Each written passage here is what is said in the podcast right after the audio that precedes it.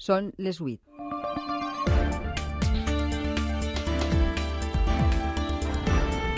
A punt. Les notícies de la nit. Amb Txelo Vicente.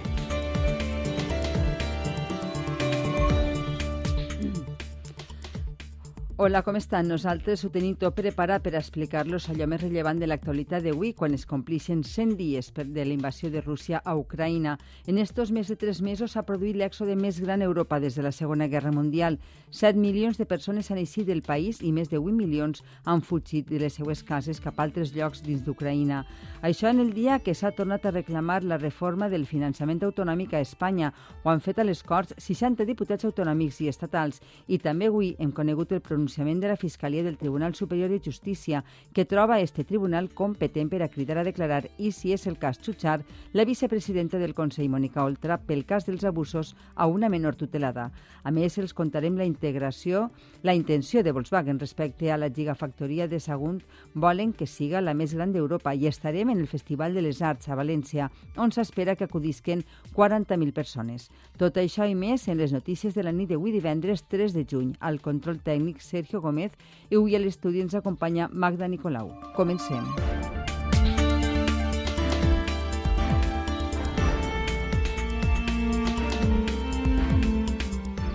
I pel que fa a l'oratge, estem davant d'un cap de setmana d'estiu. Lluís Obiols, bona vesprada. Bona vesprada, doncs sí, pocs canvis esperem per als pròxims dies, però ara estem pendents eh, de les tempestes que finalment han crescut entre Conca i Albacete que podrien afectar durant les pròximes hores zones de l'interior central. Seran l'excepció, un cap de setmana d'estiu, això sí, dissabte ens alçarem amb intervals de núvols més abundants al litoral central i nord i també circularan bandes de núvols alts i mitjans que s'aniran retirant al llarg del matí. Novament, durant la vesprada, creixeran núvols d'evolució a l'interior central i nord que podrien deixar algun russat. Pel que fa a les temperatures, seran molt semblants a les d'avui, els valors màxims entre 26 i 32 graus. I diumenge, més sol i més calor. Gràcies, Lluís.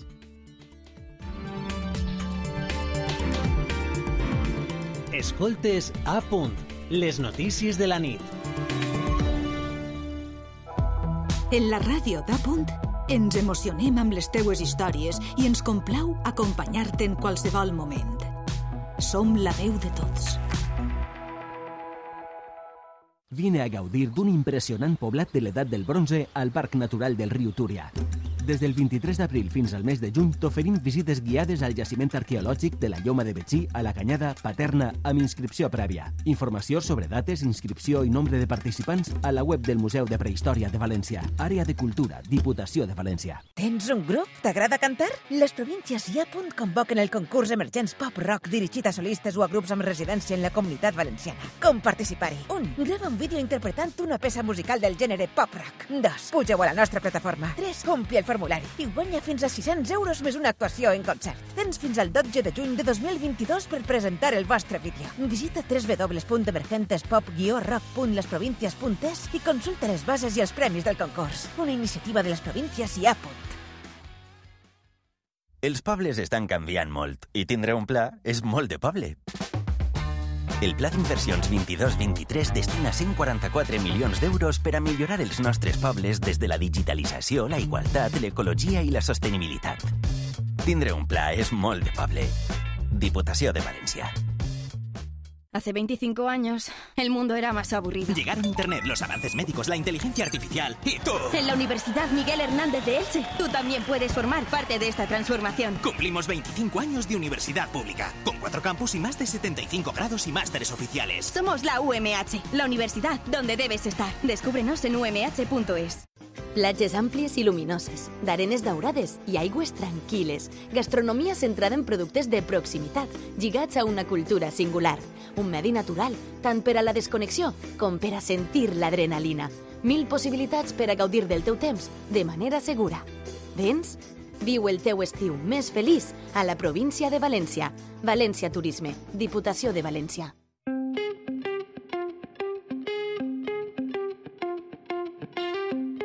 Escoltes a punt. Les notícies de la nit. Comencem este informatiu en format breu contant-los que les Corts tornen a reivindicar la reforma del finançament autonòmic. Ho han fet avui en una sessió simbòlica que ha reunit més de 60 membres de la Cambra, del Congrés i del Senat. S'ha reiterat l'acord bàsic per a demanar un nou sistema, però s'ha fet entre retrets i crítiques que constaten la dificultat d'arribar al consens que esta reforma necessita. Xavier García del Valle.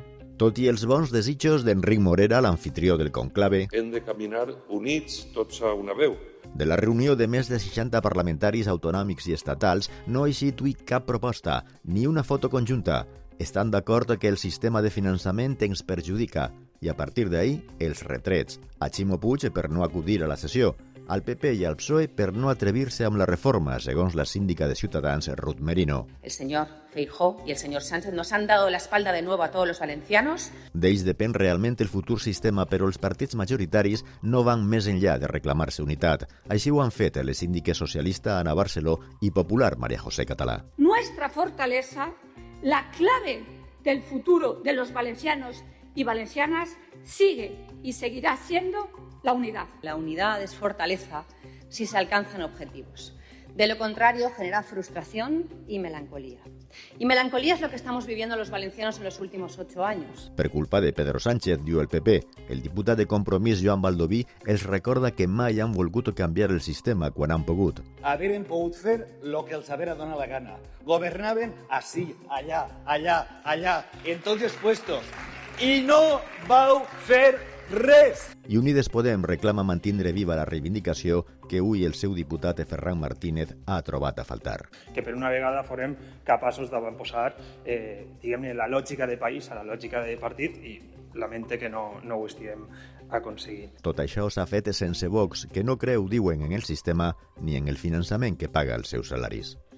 Novetats en el cas del frau de l'MT. El Tribunal de Comptes considera única responsable la treballadora implicada i la condemna a pagar els 4 milions d'euros del frau. L'Ajuntament creu que la sentència és una bona notícia, mentre que l'oposició critica que es carregui contra la treballadora. És una crònica de Adelaide Ferre. El Tribunal de Comptes considera culpable Celia Zafra, excap d'administració de l'MT, per no haver comprovat les identitats dels estafadors i la condemna a tornar els més de 4 milions d'euros estafats a l'empresa. El tribunal argumenta que Zafra hauria d'haver informat els seus superiors d'estos moviments i per això li atribuís una negligència greu. La sentència també reconeix que la manera en què va operar Zafra no era l'habitual i apunta que en l'empresa hi havia mecanismes per a controlar els pagaments. L'alcalde de València, Joan Ribó, ha mostrat satisfacció per la sentència. Perquè diu que la responsabilitat del frau recau fonamentalment en esta persona i, en definitiva, deixa en l'aire tots els elements de que no hi havia control en l'AMT, no. Hi havia uns mecanismes de control i algú se'ls va saltar. Però l'oposició creu que l'equip de govern també ha d'assumir responsabilitats i critica que es carregue únicament sobre l'alta directiva, a qui considera víctima. Arran dels pagaments fraudulents, l'EMT va interposar tres demandes contra Zafra. La primera ja va suposar el seu acomiadament i encara en queda una tercera per la via penal, que està ara en fase d'instrucció. La Fiscalia del Tribunal Superior de Justícia està a favor de citar a declarar i, si és cau jutjar, Mònica Oltra. Avui ha informat favorablement perquè el Tribunal Superior de Justícia assumisca la instrucció del cas dels abusos d'una menor tutelada per la Generalitat. Magda. La Fiscalia dona suport a que el Tribunal Superior de Justícia de la Comunitat Valenciana investigui Oltra per la, seu, per la gestió del seu departament en un cas d'abusos del seu exmarit a una menor tutelada. La Fiscalia considera competent el tribunal perquè observa indicis rellevants de delicte per part d'Oltra i per la condició d'aforada i per ser diputada i vicepresidenta del Consell. També creu que cal fer totes les diligències necessàries per a determinar el seu grau de participació en els fets. El Tribunal Superior decidirà després d'escoltar també la resta de les parts si cita o no a declarar la vicepresidenta del Consell. I en clau econòmica els contem que l'Euríbor a 12 mesos continua imparable. És l'indicador que més s'utilitza a Espanya per a calcular les quotes de les hipoteques i ha arribat a una taxa diària del 0,4%, el nivell més alt des del 2014. Després d'acabar el mes de maig en el 0,2%, ara firma el segon mes en positiu, després de 8 anys ancorat en el terreny negatiu i tancar les tres primeres sessions de juny per damunt del 0,4%. Esta situació provocarà que les hipoteques referenciades del a siguin més cares en la pròxima revisió. Les previsions dels experts apunten que este indicador continuarà escalant i podria tancar el 2023 en l'1% i fins i tot per damunt d'aquest nivell.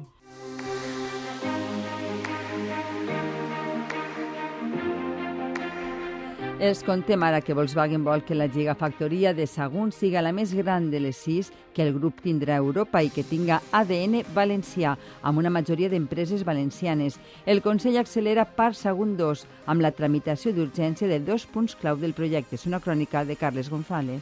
La planta de Sagunt fabricarà celes per a 800.000 vehicles de tot el grup Volkswagen a partir de 2026. La multinacional vol que siga la gigafactoria més gran i la millor de les sis que tindrà Europa i en la presentació del projecte al teixit empresarial de la Comunitat Valenciana un altre objectiu clar que explica Alfonso Sancha, vicepresident de SEAT. Aspira a ser una empresa valenciana.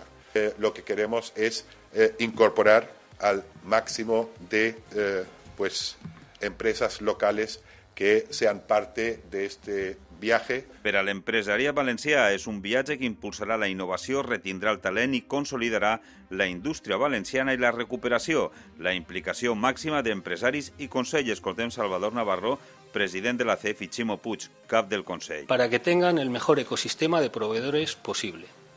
Les puedo asegurar que la CED, como organización representativa de la comunidad valenciana y con un peso importante en la COE, va a implicarse al 100%. Es un momento para la economía valenciana fundamental. Se pueden multiplicar las oportunidades. El acelerador de esa reforma del modelo productivo entre nosotros se llama la gigafactoría de Volkswagen. El Consell accelera al màxim el projecte, ha licitat els estudis per a urbanitzar Parc Sagunt 2 i construir la plataforma intermodal amb unes inversions de vora 4 milions d'euros.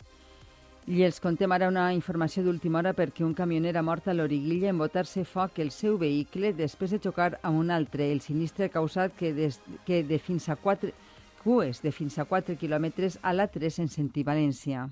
El camioner ha mort atrapat a la cabina del seu vehicle. L'accident ha tingut lloc cap a les 6 i mitja de la vesprada. La Guàrdia Civil investiga per què han xocat els dos camions i un d'ells s'ha botat foc. Estàs escoltant a punt. Les notícies de la nit.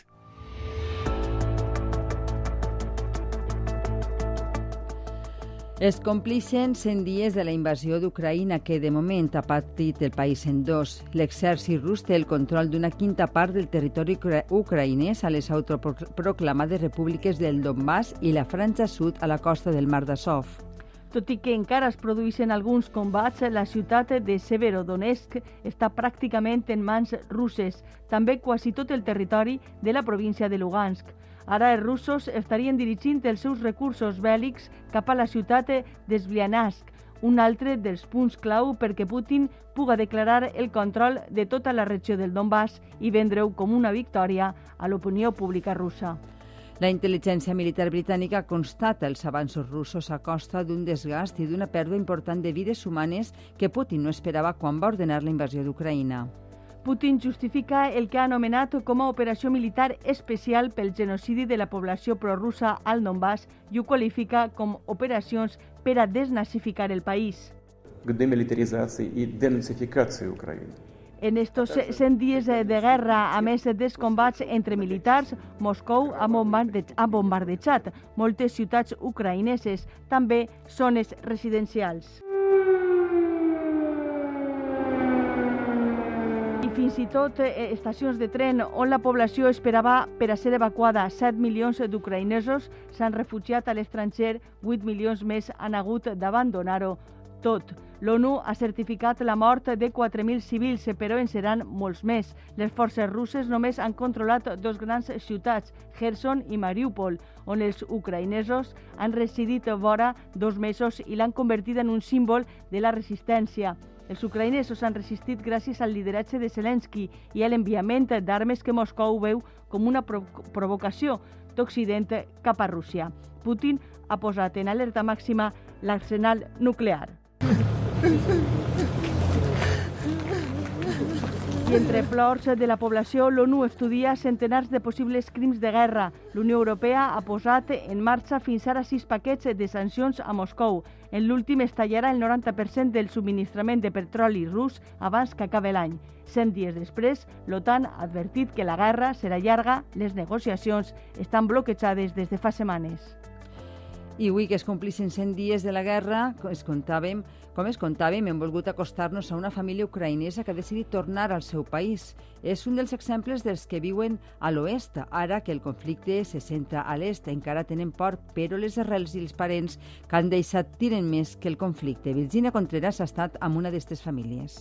Lesia i sa filla Jana fugiren d'Ucraïna quan les tropes russes estaven pròximes al seu poble, com ens conta la mare. Tuvimos miedo por nuestras vidas. Pensamos que podemos volver, pero nuestro pueblo uh, ya uh, fue rodeado Ara, quan el focus de la guerra es desplaça a l'est, lluny de sa casa, han decidit tornar. El colegio fue eh, parcialmente destruido. A partir de septiembre podemos asistir a las clases. Tenemos la esperanza que todo acabe muy pronto. Quiero ver mis amigos, a mis eh, padres y abuelos y abuelas. La relació laboral de Lesia amb Novelda li ha permès trobar acollida. Yo y mi marido trabajamos uh, en el área de, uh, de la piedra. Uh, compramos mármol en Novelda. Estudiaba español hace tres años en un, una escuela de idiomes. Jana ja no podrà travessar el pont d'Irpin, escenari on va actuar poc abans de vindre i ara destrossat. Amb la motxilla carregada d'agraïment, el camí serà ben diferent. I precisament Pedro Sánchez ha anunciat l'obertura d'una oficina diplomàtica a Moldàvia, on ha visitat avui, ho diu, ho ha, ho ha dit avui en la seva primera visita al país limítrof amb Ucraïna. Moldàvia ha acollit mig milió de refugiats ucraïnesos des de l'inici de la guerra amb Rússia. Sánchez ha anunciat també ajuda als països limítrofs amb Ucraïna. España también está junto a Moldavia ante el actual desafío.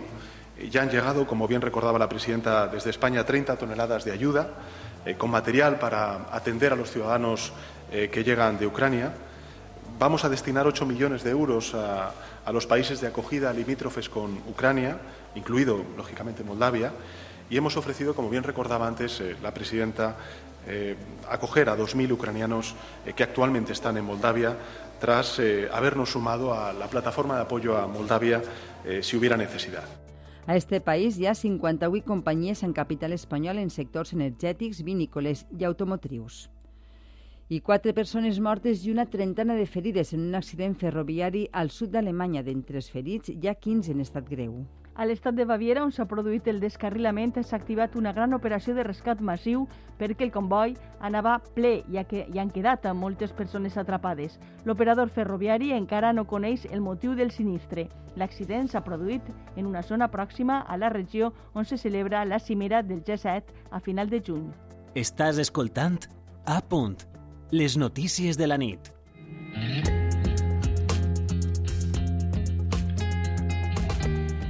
I entrem ara en la informació nacional estatal perquè és el primer dia de campanya electoral a Andalusia. Comença de forma oficial una carrera política que durarà dues setmanes. Verónica Budiel ens ho conta.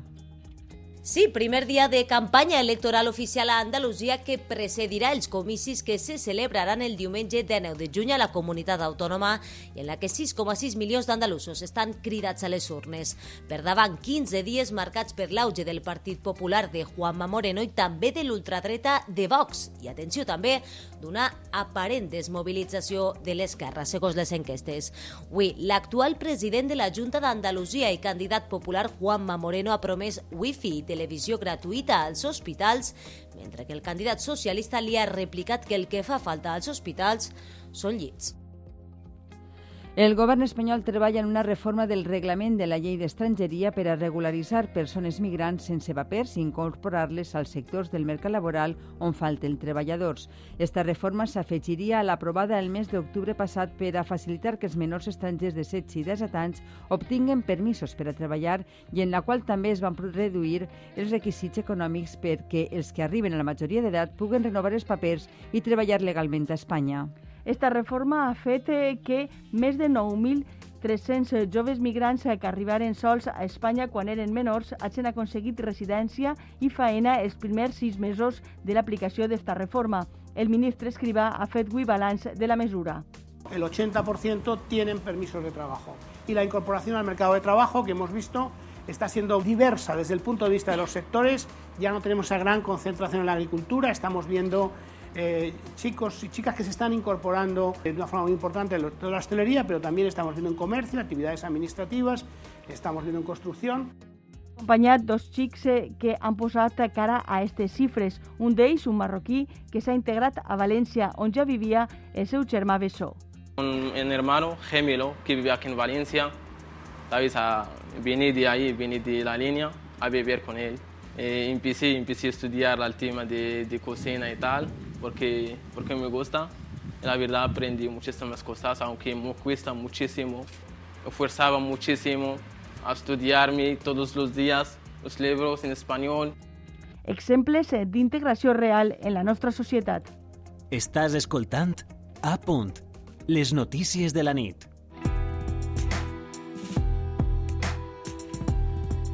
I canviem d'assumptes. Contagis de coronavirus a la comunitat valenciana es mantenen al voltant dels 3.000 casos, segons les dades donades a conèixer avui per la Conselleria de Sanitat. Són 132 menys que fa tres dies.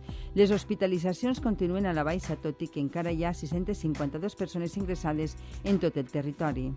Sí que puja la xifra de morts. S'han comptabilitzat 17, són 10 més que els comunicats dimarts passat. Es tracta de 6 dones entre 81 i 96 anys i 11 homes entre 55 i 90 anys. Hi han mort per coronavirus 9.433 persones des de l'inici de la pandèmia a la comunitat valenciana.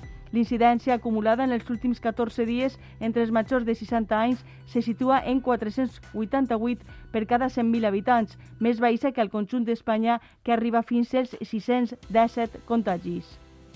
I este matí s'han viscut moments de tensió i pànic a la platja del racó de l'Alfàs del Pi, tot perquè un port senglar ha sorprès els banyistes i les persones que estaven prenent el sol. A pesar de la ràpida actuació del Servei de Socorrisme, una dona de 67 anys ha resultat ferida. Cristina Badal, conta-mos. La sorprenent aparició s'ha produït cap a les 11 i quart del matí. Una embarcació ha alertat els socorristes de la presència de l'animal i immediatament els vigilants han intentat desallotjar els banyistes. Però a l'eixida de l'aigua el mamífer ha investit una dona de 67 anys i l'ha mossegada al genoll. A aquestes hores ja es troba bé. Escoltem Alan Bernabeu, coordinador del Servei de Socorrisme de la platja de l'Albir. Esta señora pues tenía problemas un poquito de movilidad y entre que la levantaban y no, la, la ha llegado a investir en una rodilla y bueno, le ha causado una pequeña herida, nada grave, de hecho con la señora nos hemos estado riendo de la situación y se ha ido muy bien, pero por precaución hemos decidido trasladarla para que le pongan probablemente un par de puntitos. El port senglar ha arribat fins al TEA on li han perdut la pista en endinsar-se al camp i ja no l'han tornat a veure. Poden veure les imatges de l'eixida del port senglar de la mar al nostre web a.media.es. Diferents testimonis s'han declarat este matí al jutjat del Cira en relació amb l'assassinat de Wafa Sabà. La família de la jove de 19 anys considera que hi ha més víctimes del presumpte assassí David Soler, conegut com el Tubi. Fan una crida perquè el denuncien. David Soler, conegut pel, nam, pel malnom del Tubi, està a la presó com a sospitós dels assassinats d'Isabel Raducanu a Sàtiva el juny de 2019 i el de Bafa cinc mesos després a Carcaixent. Lluís ha pres declaració a diversos testimonis del seu entorn. Jesús Ruiz de Balbuena es l'advocat de l'acusació particular. Pensamos que sí que hay personas que debían saber que, que, que, bueno, que este señor había cometido lo que había, lo que había ocurrido con, con Wafa, que lo sabía, porque yo entiendo que no lo, no lo, había, no lo había ocultado, no lo, no lo había ocultado, lo había dicho a otras personas. Si es pot demostrar el modus operandi del Tubi, l'acusació particular es planteja demanar la presó permanent revisable. Tiene muchos tintes de ser un, un psicópata, es una opinión personal, y, y entiendo que sí, que, que hay más personas, más mujeres que han sufrido esta agresividad por su parte. La investigació continua amb la citació de més testimonis el pròxim mes de setembre. Escoltes a punt, les notícies de la nit, amb Txelo Vicente.